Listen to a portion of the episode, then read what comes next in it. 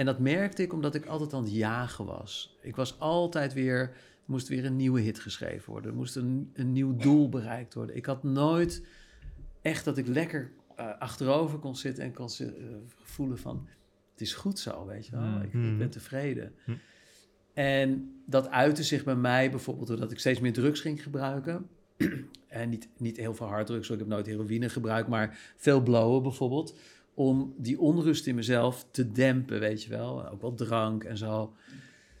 En toen dacht ik op een gegeven moment ook van ja, weet je wel, ik, hoe lang kan ik hiermee doorgaan tot ik een keertje omval? Eh, want ja, het is natuurlijk toch slopend.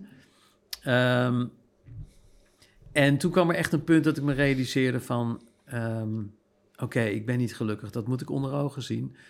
Maar ik dacht altijd dat dit mij gelukkig zou maken. En Mhm. dat is dus niet zo. Maar wat is dan geluk? Leuk dat jullie kijken of luisteren naar deze nieuwe aflevering van de podcast. Vandaag ben ik jullie muzikant, auteur en spiritueel coach, Jan Tauber. Hij gaat ons vertellen hoe hij vanuit het leven vol respect, geluk en gaat. Podcast of Hope. Moving towards happiness. Nou, leuk dat je er bent. Vind ik ook. Ja, we gaan in gesprek over geluk. Is dat een onderwerp wat je veel bezighoudt in het dagelijks leven? Heel erg. Ja? En Ja. op, op welke manier? Ja, voor mij is het, het draait eigenlijk om geluk. Eh, want geluk is echt zo'n woord waar, waar eigenlijk alles in zit. Hè? Dus het Hmm. vrede, liefde, plezier, eh, vervulling, ehm, hoop. Het is, eh, het is bijna het ultieme. Ja. Waar je als mens naar, naar verlangt en naar kan streven, denk ik. Zo grappig dat je dat zegt, want we hebben ook wel gasten gehad die zeiden het is eigenlijk gewoon een doodgeslagen begrip waar helemaal geen betekenis meer aan Echt waar? zit. Ja. Arme mensen. Ja, ja, dat zou ik ook zeggen. ja, maar voor mij zeggen ze dan juist omdat het zo breed is dat misschien soms... Ja, dat het als een Ja, ja. betekenis eigenlijk verliest. Nou ja, dat, dat snap ik wel. Ik, ik, ik, ik merk ook wel eh, in mijn wereld, hè, dus meditatie en dergelijke, dat er inderdaad ook bijvoorbeeld woorden zijn die ik minder gebruik. Zoals het woord spiritualiteit bijvoorbeeld. Hmm. Dat- op een bepaald moment wordt dat Hmm. een beetje platgeslagen. Ja. Of, het woord God of zo, weet je, die... Daar moet je dan een beetje kijken of je daar andere termen, waardoor het weer interessant wordt en, en prikkelend wordt. Ja, maar Ja. voor jou heeft eh, geluk heeft nog wel die bruis. Ja, absoluut. Ja. Ja, en hoe, Ja. hoe moet ik het dan zien als het... Want wat zei je net allemaal? Het was liefde... Liefde, vrede, tevredenheid, eh, vrijheid, plezier, eh, creativiteit. Ja, ik verzin nu allemaal nieuwe woorden, maar Ja, dat zit er voor mij wel in. Het, het grappige is, de, de yogis hè, in India, waar ik dan Mhm. heel veel bij heb gestudeerd, die noemen de ultieme vorm van geluk, dat noemen zij bliss. Hmm. En bliss betekent eh, het geluk wat losstaat van je zintuigen. Dus het maakt niet uit waar je bent, wat voor maaltijd, eh, in wat voor gezelschap je bent, maar het is een geluk van binnenuit. Ja, ja. En dat is eigenlijk het geluk waar, waar, waar ik eigenlijk naar op zoek ben. Ja, daar, daar kan ik me ook wel wat in vinden, inderdaad. Ja. Want het is dus niet je... Ja, dus je hebt een lekkere maaltijd, je kijkt een leuke film, Ja. Je hebt het gezellig, dan ben je niet gelukkig. Dat is eerder blijdschap misschien, of je Ja, voelen. en het is, het is net, we hadden het eh, voorafgaand aan de podcast ook over verslavingen. Mhm. Het is nooit genoeg. Ja. Weet je wel, want want je wil dan weer nog een andere film en nog een lekkerdere maaltijd of nog een grotere auto. Er is altijd wel weer wat natuurlijk om naar te streven. Ja. En ik merkte dus, en dat is ook wel een belangrijke turning point in mijn leven geweest. Hè, dus ik, ik kwam op een bepaald moment op een punt in mijn leven waarop ik voor mijn gevoel alles had. In de tijd met Lois Lane, de gouden platen, prachtige vrouw. Eh, we gingen toeren met Prince. Een waanzinnig platencontract, eh, veel muziek gemaakt voor Dick Maas, et cetera. Maar niet gelukkig, omdat Ja. er altijd weer iets was waar ik naar bleef streven. Ik bleef maar rennen. En toen ben ik gaan zoeken van, nou, of eigenlijk mezelf die vraag gesteld van, ja, maar als ik nu nog niet gelukkig ben, wat is geluk dan eigenlijk, weet je wel? En dan ga je naar binnen kijken en toen eh, realiseerde ik me, ja, geluk zit in mij. Dat is eigenlijk niet af, ja, kijk, helemaal los van omstandigheden is denk ik ook niet realistisch, want als je, nou ja, geen eten hebt, bijvoorbeeld, of geen dak boven je hoofd, dan is het best moeilijk Mhm. denk ik, om dat innerlijke geluk te voelen. Aan de andere kant heb ik in India veel mensen ontmoet die heel weinig hadden, maar echt van binnenuit straalden. Ja. Gewoon een innerlijk geluk hadden, wat, wat eh, ja, echt heel mooi is om te zien. Ja, maar die hadden weinig, niet niks natuurlijk.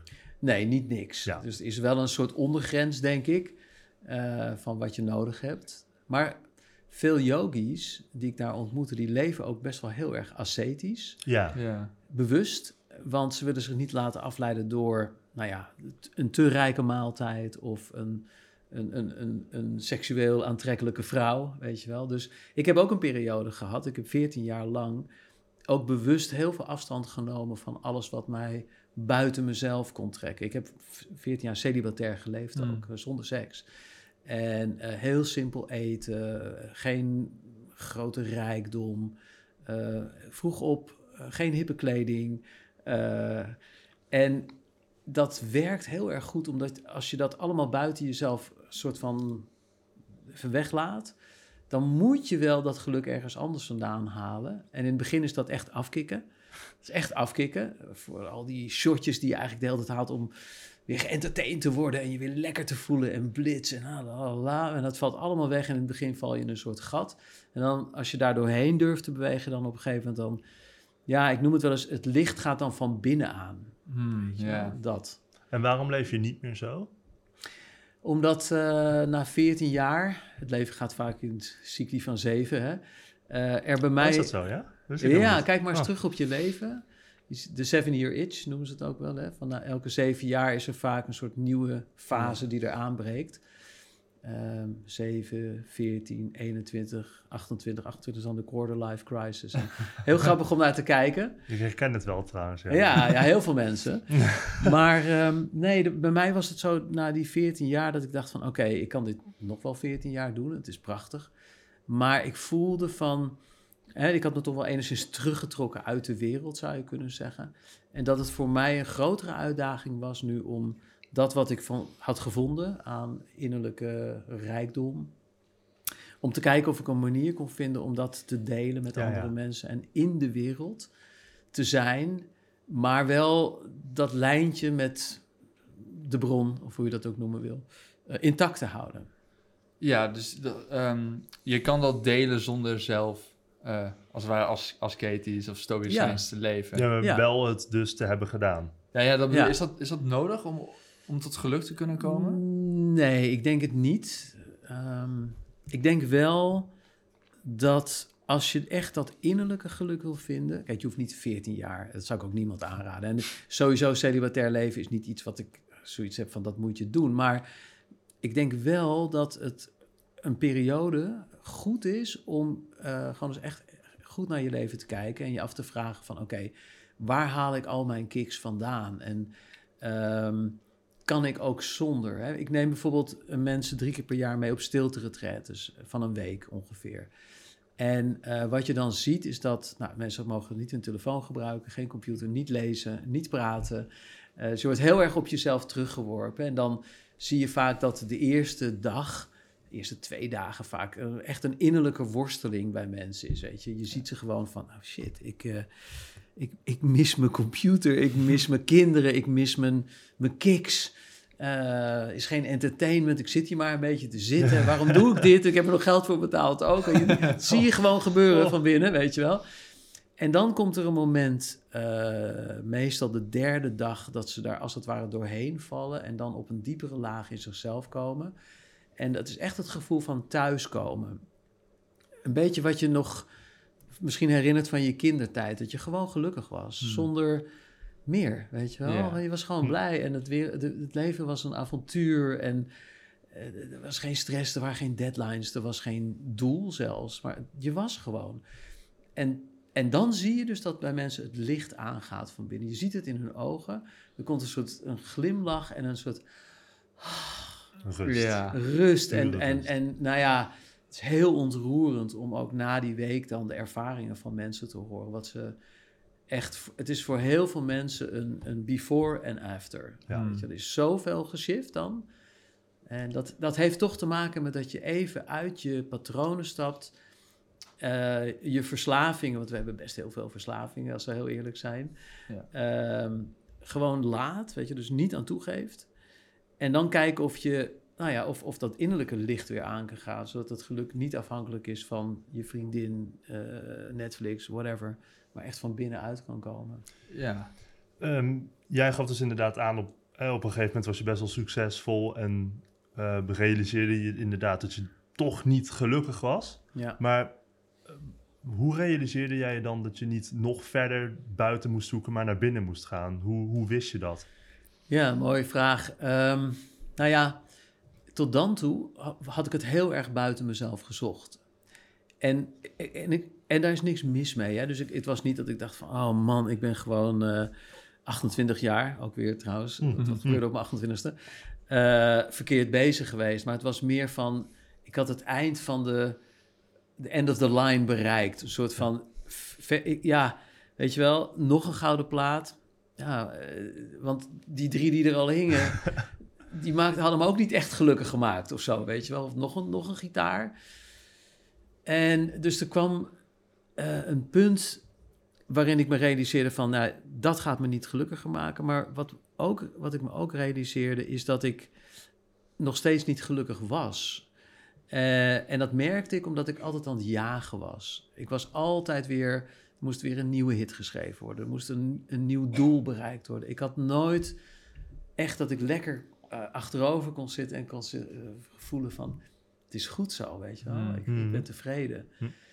En dat uitte zich bij mij bijvoorbeeld doordat ik steeds meer drugs ging gebruiken. en niet, niet heel veel harddrugs, ik heb nooit heroïne gebruikt, maar veel blowen bijvoorbeeld. Om die onrust in mezelf te dempen, weet je wel. Ook wel drank en zo. En toen dacht ik op een gegeven moment ook van ja, weet je wel, ik, hoe lang kan ik hiermee doorgaan tot ik een keertje omval? Eh, want ja, het is natuurlijk toch slopend. Ehm, en toen kwam er echt een punt dat ik me realiseerde van... ehm, oké, ik ben niet gelukkig, dat moet ik onder ogen zien. Maar ik dacht altijd dat dit mij gelukkig zou maken. En Mhm. dat is dus niet zo. Maar wat is dan geluk? Dat was eigenlijk de vraag waar ik toen mee aan de slag ging. Ja, ja, je ging het je eigenlijk een soort van bewust maken. Ja, ik, was me, ik, werd me bewust dat, ik werd me bewust dat ik ongelukkig was. Hmm. Wat op zich al een grote stap is. Want ik, Ja. ik denk, als ik heel eerlijk ben, dat heel veel mensen ongelukkig zijn Hmm. in onze samenleving. Ik, heel veel mensen doen niet wat ze echt zouden willen doen. De meeste, ik, ik weet dat omdat ik vaak aan mensen vraag van... doe je wat je echt wil doen? Hè? Leef je je bliss, zoals ze dat noemen. Of Hmm. je, ehm, eh, leef je, je je missie, je zielsmissie, weet je wel. En heel veel mensen zeggen van ja, nou ja, eerlijk gezegd niet echt, weet je. Want ik vind mijn werk wel oké, maar niet echt heel erg leuk. Ik zit wel in een oké relatie, maar het is nou ook weer niet dat ik zeg van yes, weet je wel. Of, en ehm, dus er is een soort stil lijden. Eh, ik denk ook dat heel veel mensen ergens gewoon slaaf zijn geworden van de economie waarin we zitten. Ik zag laatst een poster van Loesje en er stond op... de mens is toch niet op aarde om de economie in stand te houden. Weet je wel? Maar Ja. als je kijkt, heel veel mensen leven wel zo. Weet je? Ja. Gewoon, en maar door, en maar door. Om de hypotheek en de kinderen naar de crash en dat, weet je wel, dat. En dan s'avonds dood moet thuiskomen, Netflix. En, en dag in, dag uit, dag in, dag uit. Dus ja, dus daar moet je je eerst bewust van worden van... ik ben niet gelukkig. Maar dat is op, op zich al heel pittig om onder ogen te komen. Ja. Want dat betekent ook dat je misschien iets moet gaan veranderen. Ja. Dat je misschien wel je werk moet stoppen. Of je relatie, of eh, weet ik veel wat. En dan is de volgende stap... eh, Oké, het zit dus niet buiten mezelf, maar het zit in mezelf. En hoe kan ik dat dan weer in mezelf aanzetten, als het ware? Dat geluk terugvinden. ja, dat is een goede vraag. Hoe doe je dat? Ja.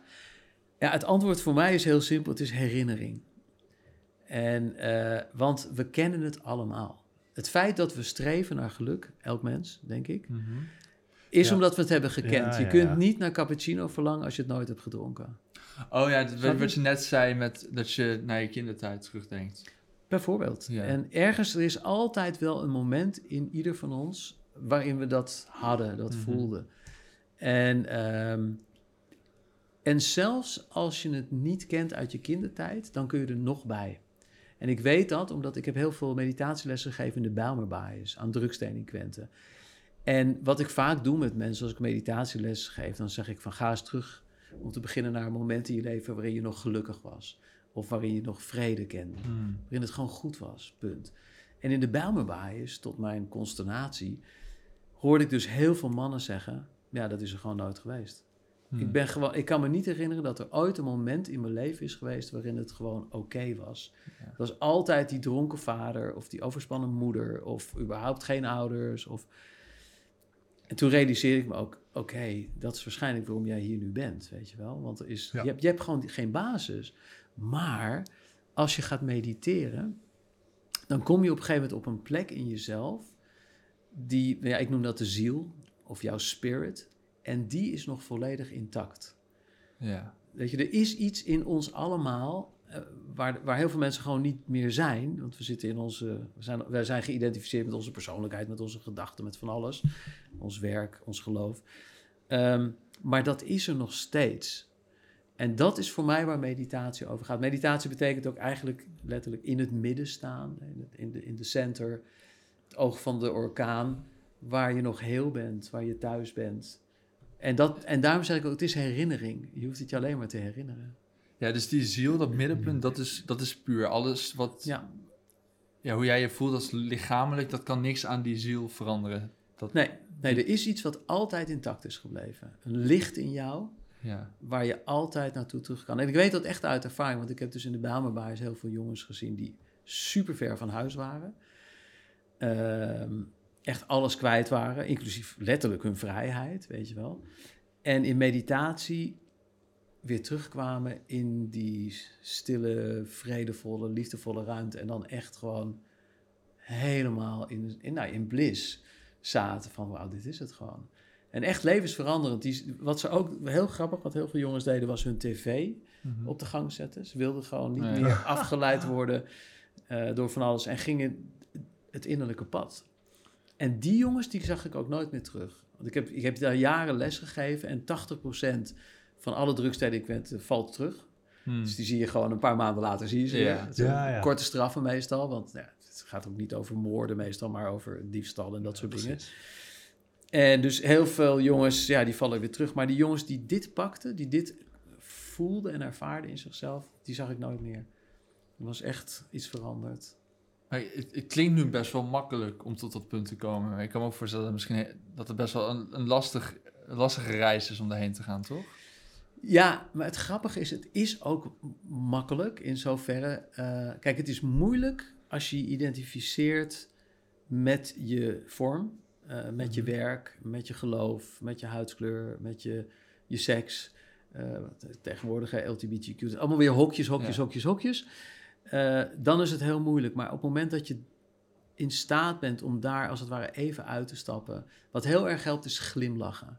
Hmm. Humor is waarschijnlijk de belangrijkste eigenschap als het gaat over thuiskomen bij jezelf. Dat je kunt lachen om al die gedachten, al jouw Ja. meningen, al jouw conditioneringen, al je oordelen. Het is allemaal gelul, namelijk. Dus het is gewoon niet wie je bent. En als je daarom kunt glimlachen, dat is ook voor een Boeddha natuurlijk altijd met een glimlach wordt, dan houdt het gewoon door. Oh, ja, dat ben ik allemaal niet. Dan, stap je, dan kom je vanzelf op een plek waar al die, nou ja, excusez le mot, al die bullshit gewoon, het is gewoon daar. En jij bent hier. En dan gaat dat licht weer aan. Dus aan de Ja. ene kant is het, is het moeilijk in, in, in zoverre dat onze samenleving bijna niks anders doet dan je er vandaan halen. Als kind ga je al heel vroeg, word je geconditioneerd. Je moet naar school, je moet leren, leren, leren. Terwijl kindjes het van nature volgens mij gewoon hebben. Maar tegelijkertijd is het ook het allermakkelijkste wat er is, want het is wie je bent. Ja. ja. En ben je dan verlicht? Ja. Is, hebben we we Ja. spreken nu over, over verlichting. Ja, daar spreken we precies over. Nou, dat is ook, denk ik, de uitspraak die ik het meest heb gebruikt in al mijn boeken en lessen. Je bent al lang verlicht. Hou op met te zoeken naar verlichting. En dat geldt ook voor geluk. Hou op Ja. met te zoeken naar geluk, want je gaat het nooit vinden. Een zoeker gaat het namelijk nooit vinden. Die is op zoek. En, Ja. Maar je moet op een punt komen iedereen zegt, maar het is er al. Ik ben aan het zoeken, maar het is al lang hier. Alsof je je autosleutels zoekt, maar ze zaten al die tijd al in je broekzak. Dat. dat voorbeeld van die koningin met, met haar halsketting. Ja, weet je ja. wel. Dat is typisch zo'n voorbeeld van ja, je zoekt overal, maar oh, het is er al. Ja. Maar hoe kom je dan zo ver van jezelf af te staan? Hoe kan het dat iedereen dat heeft? Nou dat is, dat is ook een interessante vraag. Kijk, eh, mensen vragen me dat wel eens. Hè, van waarom moeten we een ego ontwikkelen? Want daar hebben we het dan eigenlijk over. hè, Zo'n Ja, schijnidentiteit in zekere zin. Eh, om vervolgens, als we 28 of 42 of wanneer dan ook, erachter komen van, oh ja, dat ben ik niet. En dan weer de, de zoektocht naar binnen moeten maken. Maar ja, het hoort bij dit leven. En, en het ego, jouw persoonlijkheid is dat eigenlijk, is ook niet fout. Vind ik heel belangrijk om te benoemen, want in veel spirituele kringen wordt wel eens gezegd van, Ja. je, moet het ego, je moet van je ego af. Hè, Of de mind is de grote vijand, maar dat is niet zo. Eh, Hmm. Dat ego is super functioneel.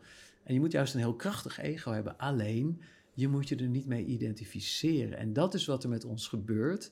Hè, dus wij vergeten dat we de ziel zijn die een rol spelen door middel van ons ego, door middel van ons lichaam. Maar we zijn niet die rol. We zijn niet ons ego. En eh, daar gaat het mis met identificatie. Ja, Dat is eigenlijk waar alle problemen uit de, in, in alle problemen die wij in de wereld hebben komen vo- voort uit verkeerde identificaties met je, je huidskleur, je, je geld, je geloof, eh, Hmm. je, je gender, eh, eh, ben je een wappie, ben je geen wappie. Het zijn allemaal identificaties. En, en, en die komen allemaal tegenover ja, Ajax, Feyenoord, Hindoes, moslims, Amerikanen, Russen, Trump, Biden, weet je wel. Daar gaat het allemaal niet om. We zijn iets anders. ja je doet ook zo. Ja, dus dat, dit, nou ja, dit gebaar wordt Ja, natuurlijk heel ja. vaak gemaakt. Hè? En dat betekent gewoon, ga weer in het midden staan. Het is centerend. Dat is het... eh, Ja. ja, dit klinkt op zich best wel logisch, ook wel een, een beetje. Ja. Ja, terwijl aan de ene kant, als je het over spiritualiteit hebt, het is ook wel vaak heel erg, heel erg zweverig. ja, En je, ik denk dat ik er tegenwoordig wel een beetje een schild voor heb eh, gekregen Ja. eh, door al die afleveringen. Want in het begin was ik ook wel van uh, zweverigheid. Oeh, Dat-. Ja, precies. ik denk dat ik er nu op zich wel veel kan hebben. Alleen, ehm, bijvoorbeeld als ik op je YouTube-kanaal kijk, sommige, eh, als je het hebt over astral planes en zo, dan vind ik dat, dan, dan komt het bij mij toch, dat Ja. is voor mij dan wel weer iets te een zweverig. stapje of- te ver. Ja, Snap ik. maar hoe, hoe, hoe werkt dat dan? Nou kijk, voor mij eh, is het zo dat ik... Ik heb er een soort sport van gemaakt. eh, en, en dat mislukt dus af en toe hè, bij de Astro Planes. Maar om dingen juist heel simpel te brengen. Hmm. Dus eh, toen ik begon met meditatie, toen was er geen YouTube. Er was, er was überhaupt geen internet. Dus ik moest echt naar de bron. Ik moest letterlijk naar India... Ja. om van die gasten in oranje jurken en klotters boter op hun hoofd te leren wat meditatie was.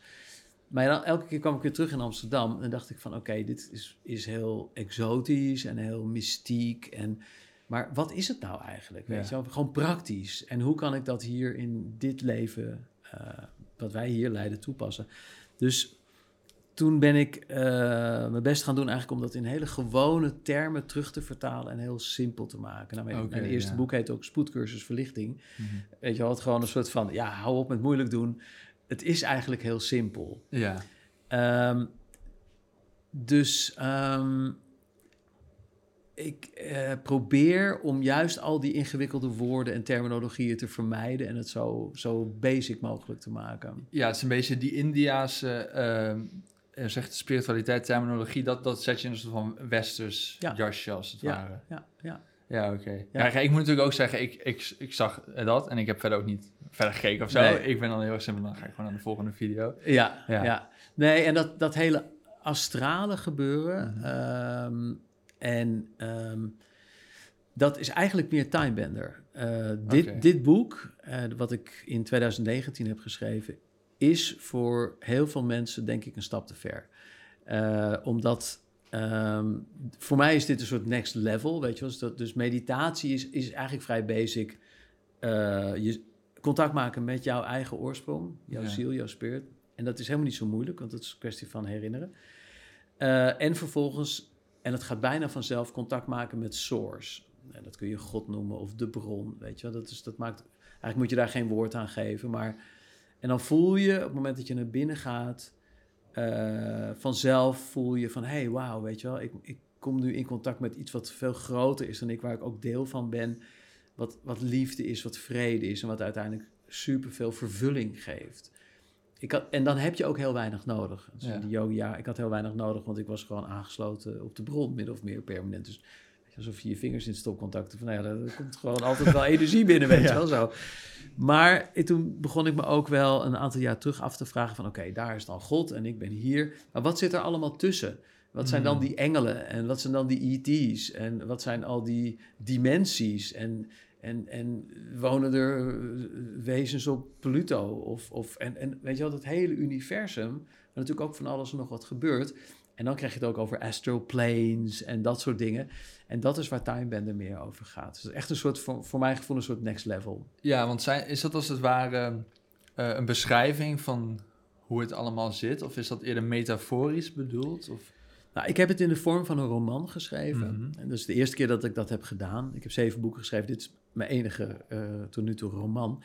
En ik heb dat bewust gedaan omdat ik... Er zit wel heel veel kennis in en ook wel heel veel onderzocht. Eh, ik heb heel veel gestudeerd om, om die kennis eh, te, te, te krijgen. Alleen, ik dacht als ik dit ga opschrijven als van... Nou, dames en heren, dit is de nieuwe Ja. waarheid of zo. Ja, dan word ik direct afgeschoten. Dus dat ga ik niet doen. ik maak er een roman van. En dan mag iedereen ervan vinden wat hij wil. Weet Veilig wel. hoor. Ja. Ja, ja, het is een soort truc ook van de informatie. Nou, een beetje wat Dan Brown ook deed. Dat was eigenlijk een beetje, of doet. Mijn voorbeeld, jullie kennen Dan Brown? Ja, qua naam. Ja, maar- dat, dat dus dus hij heeft dan bijvoorbeeld, ehm, waar heeft hij het dan over? De, de graal, weet je wel, de zoektocht naar de graal. Mhm. Dat is volgens mij zijn eerste boek, ik ben even vergeten hoe het heet. Ehm, nou ja, maakt ook niet uit. Maar heel veel informatie over de tempeliers en de vrijmetselaars... en de, de, de verborgen geschiedenis van de kerk en, en Jezus en al die... Mm. Ehm, die heeft hij dan in een hele spannende roman. Waardoor het een echt een lekkere Ja. page-turner is. En er is ook een goede film van gemaakt en zo. Maar Oh, ondertussen leer je een hoop. ja. Ja, ik denk dat dat ook wel de beste manier is. Tenminste, ik vind Ja. dat ook de fijnste manier om wijsheid te vergaren, Ja. is door romans. ja je, Exact. je denkt als mens zijnde ook gewoon in verhalen over het algemeen. Dus dit is gewoon een Ja. spannend verhaal. Ja, ja. Eh, echt wel een page-turner. Ehm, maar ondertussen, ik- want de feedback die ik van mensen krijg is van... Wauw, eindelijk vallen de puzzelstukjes op zijn plaats. Want dit gaat eigenlijk over de, de verborgen geschiedenis van de mensheid. Die is veel groter dan, dan onze geschiedenisboekjes ons vertellen. En een heleboel dingen die in onze geschiedenisboekjes staan, die kloppen ook eigenlijk niet. Dus dat is ook heel interessant. Althans volgens Timebender dan, Ja. hè? Niet volgens mij. volgens ja, weer, weer heel safe, ja. En, en waar het ook heel erg over gaat, is het veel, het veel grotere kosmische verhaal waar wij deel van zijn. Want de aarde is maar een, een stukje van een veel groter verhaal waar we allemaal deel van uitmaken. Ehm, ja, dus daar gaat het over. En, en dat is voor. voor toen, ik, toen ik het schreef, ik had mijn, mijn contract met AW Bruna, eh, waar ik dus zes boeken voor had geschreven, was toen afgelopen. En ehm, dus ik was vrij om te schrijven wat ik wilde eigenlijk. Ehm, en toen, toen het klaar was, toen dacht ik van nou, toch even naar AB Bruno toesturen, weet je wel. Ik vond het zelf namelijk een heel goed boek.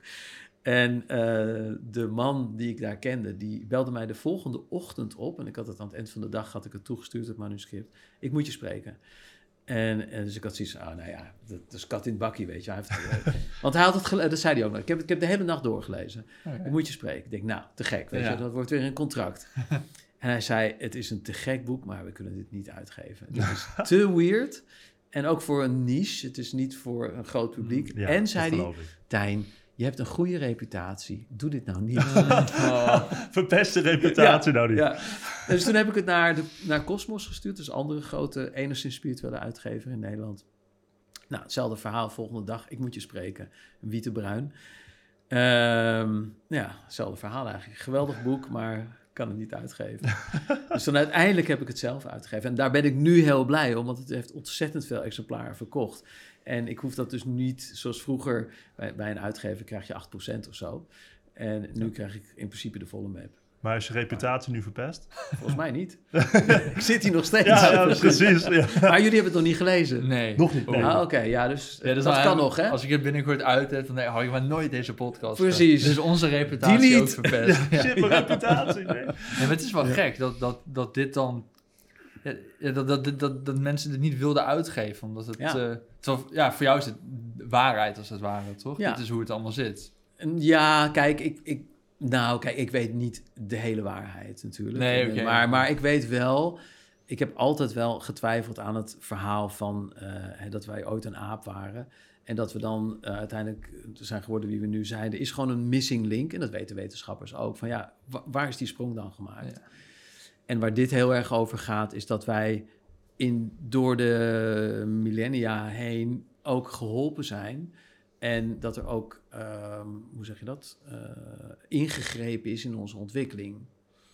En als je dat eenmaal weet, dan zie je dat ook in alle geschriften terug. Weet je wel, er is in de Egyptische cultuur, en, en, maar ook in de Bijbel, hè, er wordt Ja. gezegd van toen de goden nog op aarde waren en zo. Dus het staat er allemaal wel. Alleen wij denken dan van ja, maar dat is metaforisch. Nee, die waren er. En, maar die goden, dat waren niet, maar dat waren dus buitenaardse, die dus verder waren in hun ontwikkeling dan wij.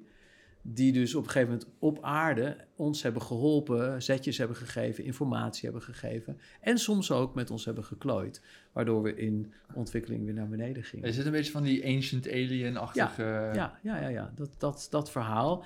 Graham Hancock, ik weet niet of je... Ik, ja, ik, ik weet hier helemaal niks Nee, vanaf. ik, Ik, kom hier ook heel lastig in, moet ik zeggen hoor. ja? Ja, ja, ja, ja. ik vind het wel heel interessant om over Ja. na te denken. Maar wat jij zegt, van, ehm, ik, ik zie dat juist allemaal wel als Metafoor. metafoor. is Ja, wel een hele ook. nuttige metafoor. Tuurlijk. Maar wel een hele, ja, een hele mooie Ja. metafoor. Maar Ja, nee, zo heb ik het ook altijd gezien als, Ja. eh, als metaforisch. Maar op het moment dat je gaat denken van... oké, maar misschien, misschien was dat echt wel zo. Eén klein voorbeeldje, en dan kom Mhm. jij er misschien ook iets beter in. Ehm, bij mij is het ook begonnen jaren geleden bij een boek van Graham Hancock, een onderzoeker... die zich afvroeg, hoe kan het dat op aarde structuren staan... waar wij niets van begrijpen... die we ook niet kunnen nabouwen... die gewoon veel verder technologisch zijn dan wij. Bijvoorbeeld de piramides Zoals piramides, ja. piramides. Ja. Maar er zijn er heel veel. Hè? Ook in Zuid-Amerika heb je ook allerlei bouwwerken met gigantische stenen die we vandaag de dag nog niet eens. Ja, met één. Er zijn twee hijskranen op de wereld die dat kunnen. nou ja, goed, weet je wel. En ook helemaal naadloos op elkaar aansluiten. Je kunt er nog niet eens een creditcard tussen krijgen. Hoe dan?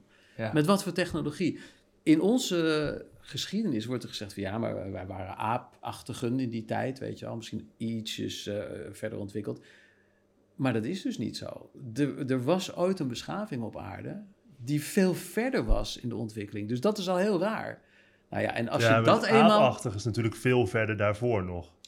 Ja, maar dan nog is er blijkbaar ooit een tijd geweest, de Egyptische tijd. En de Sphinx is trouwens nog veel ouder, hè? dat is Ja. inmiddels eh, ook, ook bewezen. Ja, klopt. Die, dat, en dan, we snappen daar gewoon niks van. Hoe dat technologisch gebouwd is en ook de architectuur, hoe dat precies op de Noord-Zuidas staat. Dat al die hoeken perfect geconstrueerd zijn. Hoe dan? En wie deed dat? Ja, maar ik zie niet helemaal hoe de link met buitenaardse wezens dan wordt gelegd. Als in het feit dat we niet weten hoe mensen dat konden doen, betekent niet dat mensen het niet hebben gedaan. Nee, maar het betekent wel dat er dus ooit andere beschavingen op aarde zijn geweest.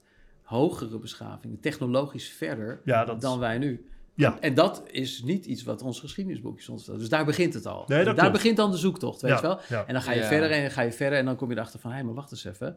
Er worden ook gewoon eh, ruimtewezens afgebeeld op de hieroglyphen. Dat zie je gewoon. Maar je Hmm. moet even met een andere blik kijken. Dat je niet denkt van, ja, maar dat is metaforisch. Hmm. Nee, misschien was dat ook echt zo. Ik zeg niet dat het zo is, hè. Mhm. Maar open mind, who knows? En, en, op welke manier he- heeft dit nog met spiritualiteit te maken? Of zi- zijn dit weer. Kom je als het ware met een soort van spirituele zoektocht, kom je dan uit bij die Ja, kom je- wezens? Of- Kom je weer in eh, materialisme terug eigenlijk. ja, ja, precies.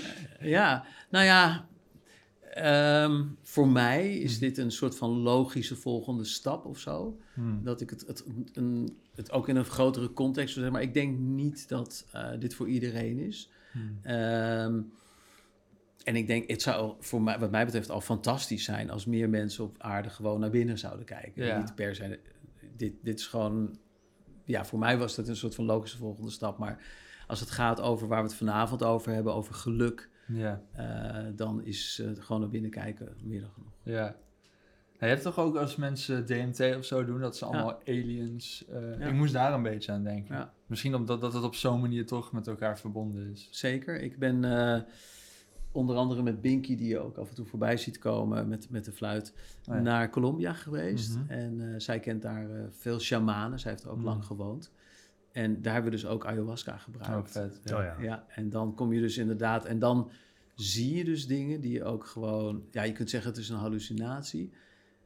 Eh, maar het voelt zo echt op dat moment. Het is Ja. zo... Ja, het gaat echt een, een wereld voor je open.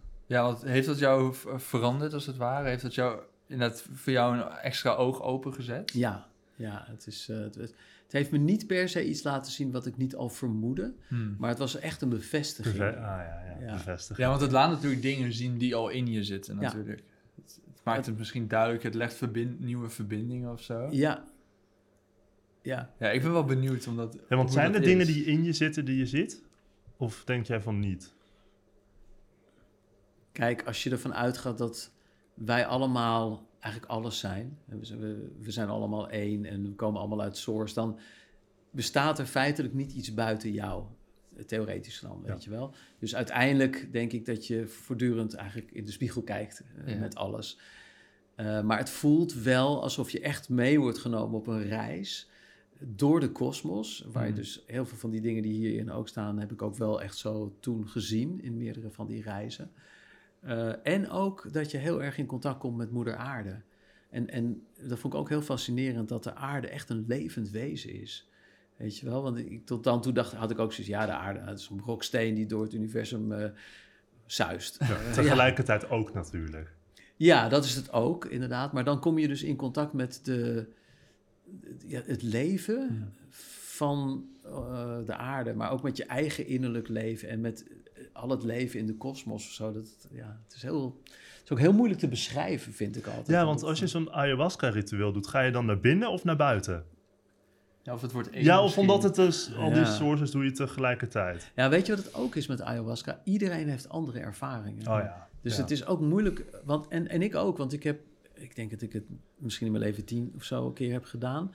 En de eerste keer was gewoon super heerlijk, licht, liefde, eh, verbonden met alles. Eh, nou ja, wat je wel een soort van bijna doodervaring als mensen, weet je wel, een soort van wauw, weet je wel. Eh, dus ik had zoiets van, nou, dit ga ik elke week doen, weet je wel. Is helemaal te gek, dit. Moet je oppassen, ja. ja. En toen de volgende keer, toen ging ik, schoot ik eerst omhoog en kwam ik weer in die heavenly space terecht. En daarna knalde ik naar beneden en kwam ik in een soort onderaardse, hele donkere, krioelende met insecten. En alles was dood en verderf en alles was, ging verrotten en alles... Het was heel eng, Ja. weet je wel. Dus dat, maar goed, dat is ook een aspect van het leven natuurlijk. Ja, dat zijn de twee zijden, als het ware. Precies. Dus, dus, dus ayahuasca gaat echt met je aan de haal. Ja. En Ja. dat, dat is het leuke, maar het is ook een beetje het enge ervan. En ik zou ook echt mensen, stel dat je geïnteresseerd bent, echt willen aanraden. Doe het op het moment dat je een goede space bent in jezelf. Niet van, eh, ik ben helemaal de weg kwijt, ik ga maar ayahuasca doen. Want dan, Last laatste redmiddel. Ja, Oh, ja, nee, doe nee. dat niet. En het is ook echt niet iets wat je in je uppie moet doen. Sowieso niet, weet je. Het is echt met hele goede begeleiding. En denk er een paar keer goed over na. En, en wat ze ook zeggen, dat vind ik ook wel mooi, het roept jou. Dus niet van, al mijn vrienden doen het, dan ga ik het ook doen. Nee, het, je moet echt van binnen voelen of geroepen worden door die plant, als het ware, van oké, nu is je tijd. Ja, ik kan me niet voorstellen dat je het ook recreatief doet of Nee, zo. joh, daarvoor is het gewoon ook. Het is helemaal niet leuk. Je wordt hartstikke misselijk. Ja. Je moet overgeven. Het is, het is niet een leuke partydruk of zo. Het is veel te heftig. En gewoon ergens op een achter of zo, weet je, ayahuasca doen. kotsen, ja. Ja. Nee, maar er, is, er staat gewoon een tijl naast je. Of, of een, Oh, echt? kuil. Ja, je wordt, je, niet iedereen, maar ik denk 90% van de mensen die moeten heel erg overgeven. Oh. Het is echt gewoon... Maar ja, het gekke is dat dat ook weer een... En dat noemen ze het purging. Hè? Dus het, Oh het- ja, ja. Hè, Het voelt ook alsof Oh, je gewoon al je, letterlijk je shit en je, en je, je eruit aan het gooien bent. Het is, de volgende dag voel je je helemaal te gek. Het is echt alsof je door de dark night of the soul bent gegaan. Echt je demonen hebt aangekeken. En ze er op een gegeven moment ook letterlijk hebt uitgegooid of geschreeuwd. Hè. Dus mensen gaan, gaat best ver eh, als je met een groep bent. En die doet het bijna altijd in een groep. Dat iemand ligt daar te huilen en een ander die is daar aan het schreeuwen. En de volgende die is door de modder aan het rollen. En eh, weet je wel. eh. Dat gebeurt allemaal ook om je heen. Dus dat wordt ook in jezelf aangewakkerd. Het gaat een nacht door. En nogmaals, niet leuk voor op een feestje. Nee, het is geen eh Het lijkt me gezellig... heel fascinerend om daar nuchter naast te staan en te kijken. Ja. Wat iedereen shamanen die, hebben de tijd van hun leven. Ja, ja, Daarom doen ze het ook, gewoon dat ze willen lachen. ja. ja. Ja, het is heel intens. Maar goed, ja. Je moet er wel respect voor hebben. Dus. Je moet er echt respect Mhm. voor hebben. En aan toe zijn. Ja. En hoe, hoe zie jij een beetje de, de toekomst als het aankomt op spiritualiteit? Dan bedoel ik niet letterlijk de toekomst, maar hè, zoals ik net al zei, ik, ik begin best wel dat, dat schild dat, dat naar beneden te halen voor de dingen die zweverig zijn. En ik heb het gevoel dat heel veel mensen dat tegenwoordig wel hebben. Of tenminste, spiritualiteit komt een beetje op. Ja, dat gevoel klopt. heb ik. Ja, Ik ja. weet niet of Oh, dat ja. is. Nee, zeker. Ja. Boeddha, Ja. Boeddha is de nieuwe tuinkabouter, toch? Ja. Dat is wel ja, oké, waar. maar is dat, ja, is dat volgens jou ook spiritualiteit? Nou, kijk, het, het wordt hip. Maar, Ja. maar dat betekent ook dat het dus veel meer geaccepteerd is, Hmm. breed in de samenleving. Ehm, en ehm, ja, ik vind, ik vind spiritualiteit dus helemaal niet zweverig. Ik vind het juist super realistisch eh, om naar binnen te kijken. Kijk, Ja. de, zweef, de zweverige kant ervan is dat inderdaad mensen eh, in een soort, dat noemen ze een spiritual bypass, een soort ontkenning van deze realiteit. Van nee, maar ik zit helemaal nu in het licht. Ik ben helemaal Ja. gelukkig. En die vorm van spiritualiteit, ehm, ja, dat is een soort fase. Weet je, dat is meestal in het begin, als iemand begint, dan heb je eerst van die hele fijne ervaringen, weet je wel. En je begrijpt niet waar mensen zich druk om maken, want de ziel is eeuwig. Dus ja, oom Jaap is overleden. Maar ja, weet je, oom Jaap is een ziel, die gaat gewoon door, weet je. Ik, waar- eh, waarom is tante zo, eh, zo verdrietig, weet je wel. Dus je, je- dat is een soort onre... Je, je raakt eigenlijk een beetje los van de aardse realiteit. Ja. Wat op zich even heel goed is, want het is ook gewoon een verhaal. In zekere zin, weet je wel. Het is gewoon niet echt. Het is zoals de Matrix, ik weet niet of jullie die film kennen. Het is Mm. gewoon Mm. eigenlijk een programma of zo. Dus het is heel fijn om daar even uit te zijn. Oh, de, het leven is eh Ja. een programma. Oh, oké. Zou je kunnen, vanuit de ziel Mhm. is dit een, een, een programma. Ja, goed, dat voert, voert misschien een beetje ver, maar dat... Nou, ik Eh, kan me er- ergens wel voorstellen in ieder geval. Metaforisch kan ik Ja, me metaforisch kan ik me goed voorstellen. Metaforisch. Laten we ja, daarop houden. precies. Oké.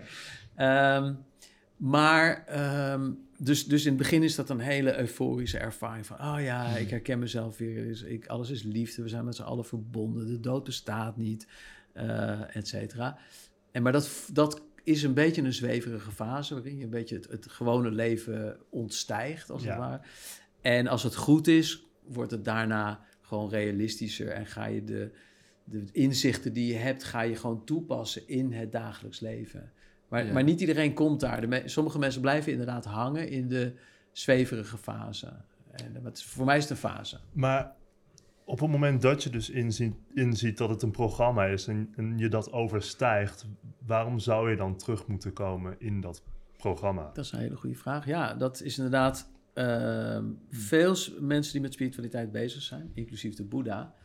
die hebben heel sterk getwijfeld of ze überhaupt terug zouden keren naar de wereld. Ja, Omdat eh, het is ook ergens niet uit te leggen. Je moet het ervaren. ja, En je kunt het wel uitleggen, maar het zijn allemaal woorden. En de- woorden komen in de mind binnen. En dit is juist buiten de mind. Dus spiritualiteit gaat over juist afstand nemen van je denken. Ehm, want dat denken, dat is dat programma waar, waar ik het net over had.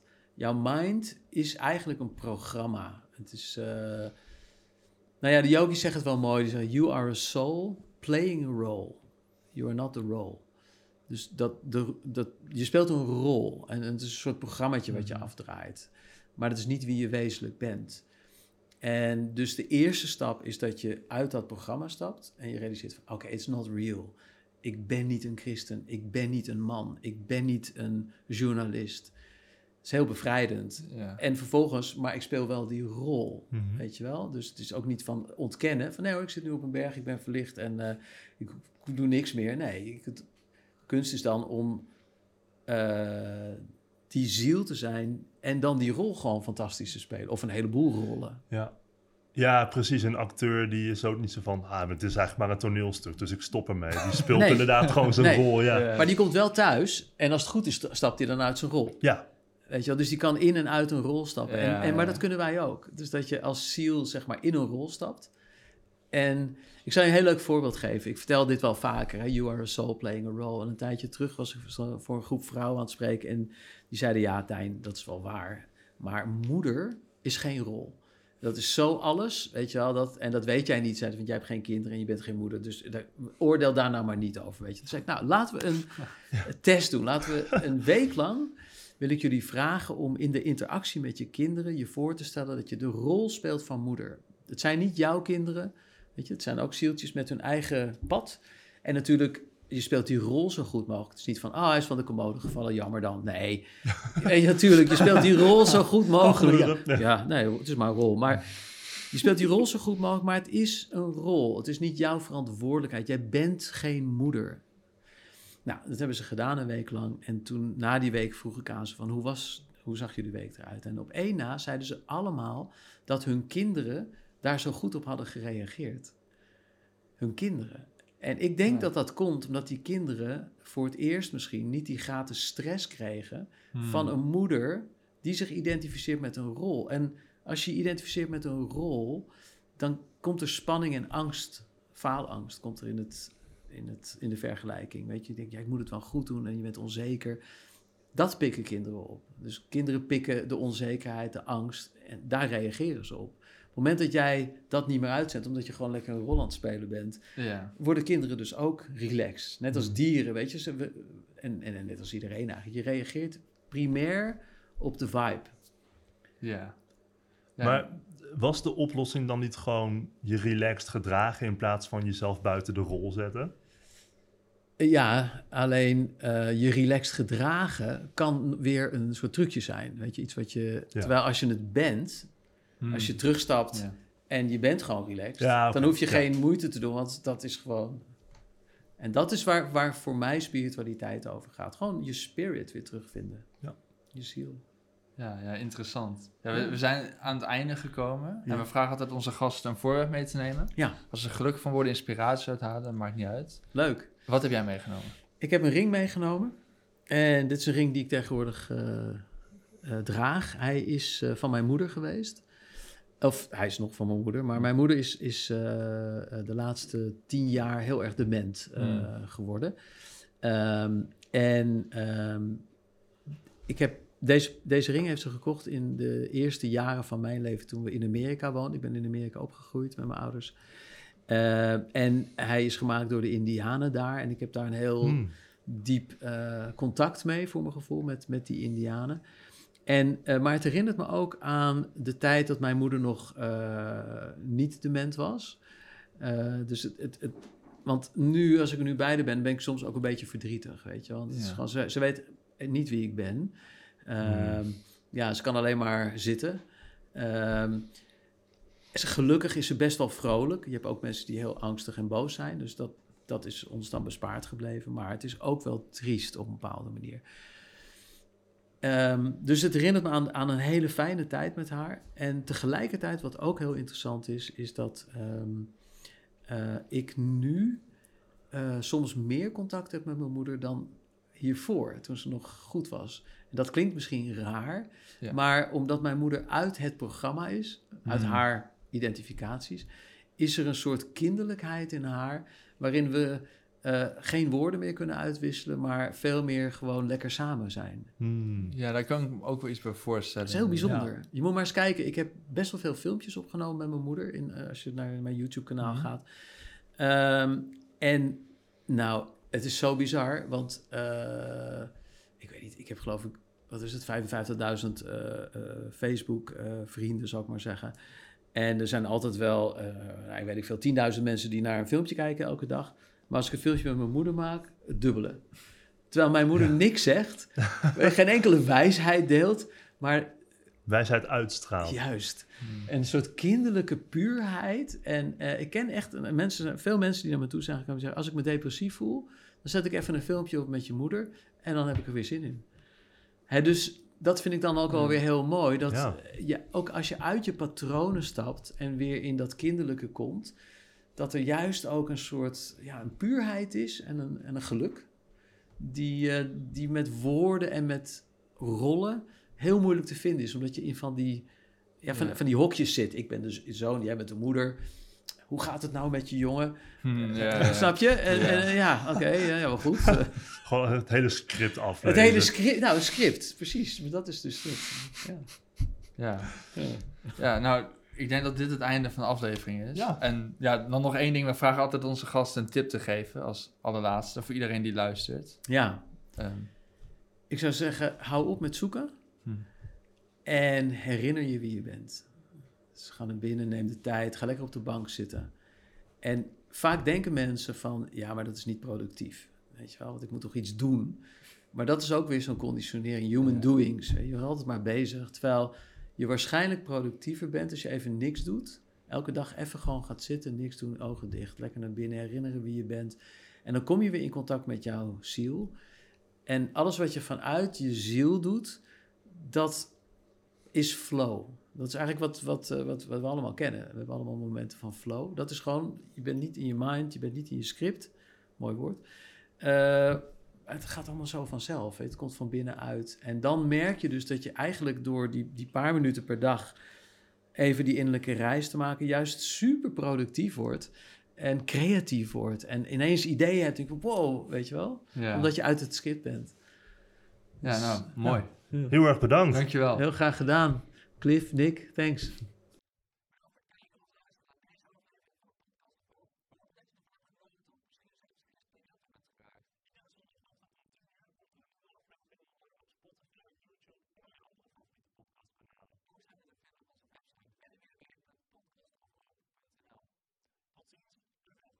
De wereld waarin we leven biedt nog geen gelijke kansen.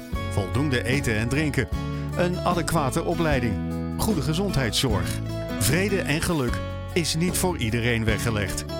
Maar stap voor stap wordt het beter en zijn we op weg naar een octopische samenleving waarin iedereen zijn of haar leven als goed kan beschouwen. Het is een lange reis, maar we zijn op weg.